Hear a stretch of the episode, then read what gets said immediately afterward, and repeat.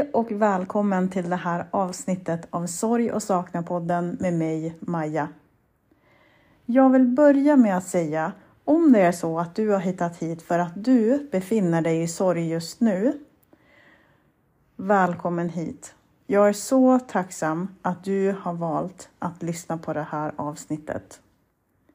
Jag hoppas att du går härifrån med ord att hålla i handen när saker känns riktigt svåra. Det här avsnittet kommer att handla om ensamhet. Såklart att du känner dig ensam. Du sörjer en älskad person. En person som har tagit stor plats i ditt liv. Livet känns nu som en enda sörja av ensamhet.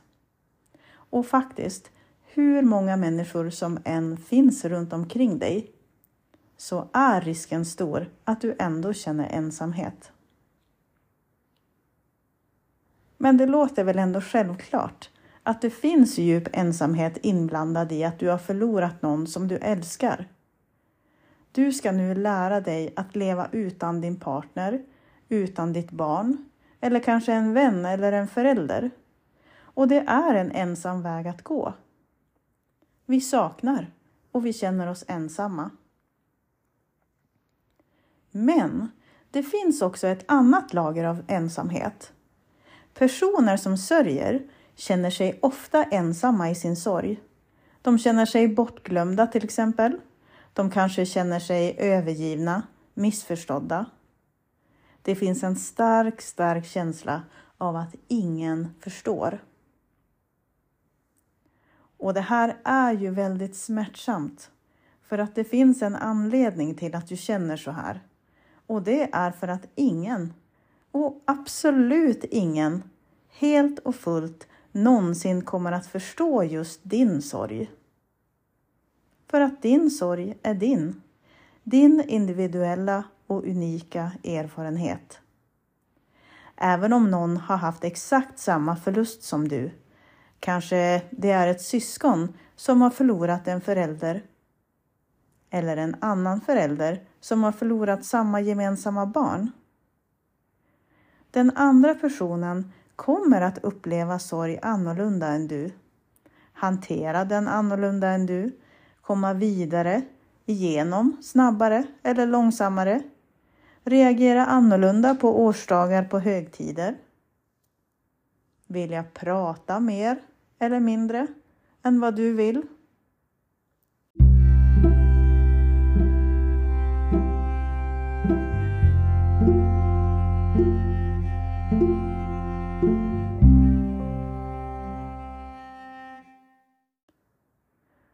Och det är ju det här som gör det så svårt. Jag vet. Det är på grund av det här som vi så lätt kan döma varandra eftersom vi inte vet eller kan bättre. Det kan börja kännas som att det är något fel på oss. Som att alla människor omkring oss vill ha oss på ett annat sätt eller någon annanstans än vi faktiskt är. Det kan börja kännas som att vi inte är älskade eller värderade.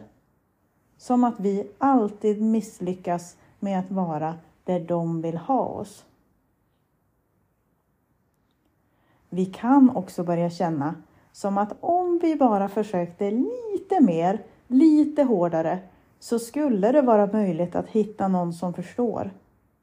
Om vi bara la ner lite mer resurser, lite mer energi på att hitta någon grupp, någon person, någon terapeut, andra kompisar. Och såklart så kan det vara klokt att sträcka ut en hand för att nå människor som kan ge oss stöd. Men det svåra är att sorg ändå kan kännas ensamt och isolerande. Fastän vi har så många människor runt omkring oss. En del av de allra mörkaste dagarna av sorg kommer för att vi förstår att hur mycket vi än pratar, berättar, förklarar och hur mycket våra nära än försöker förstå, så är vår person borta. Det är helt enkelt så att den person som kan lindra vår ensamhet, som kan sitta med oss på kvällen och se våran favoritserie, som kan ta den där kaffekoppen på morgonen, som kan träna med oss. Det är den personen som är anledningen till att vi sörjer. Den personen är borta. Så det är ju inte så konstigt att du känner dig ensam. Det finns så många lager av ensamheten.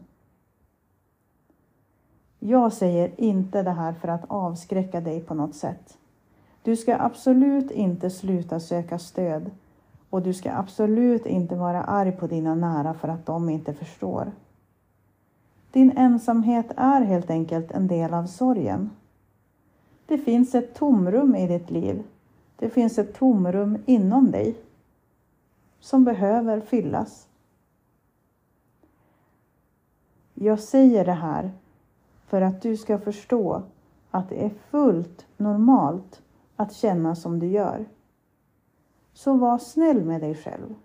Såklart att du känner dig ensam. Du sörjer.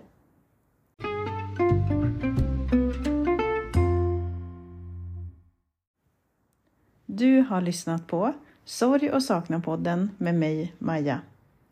Jag finns också på Instagram. Kontakta mig gärna där om du har frågor eller tankar eller erfarenheter som du vill dela med dig av. Tack för att du har lyssnat.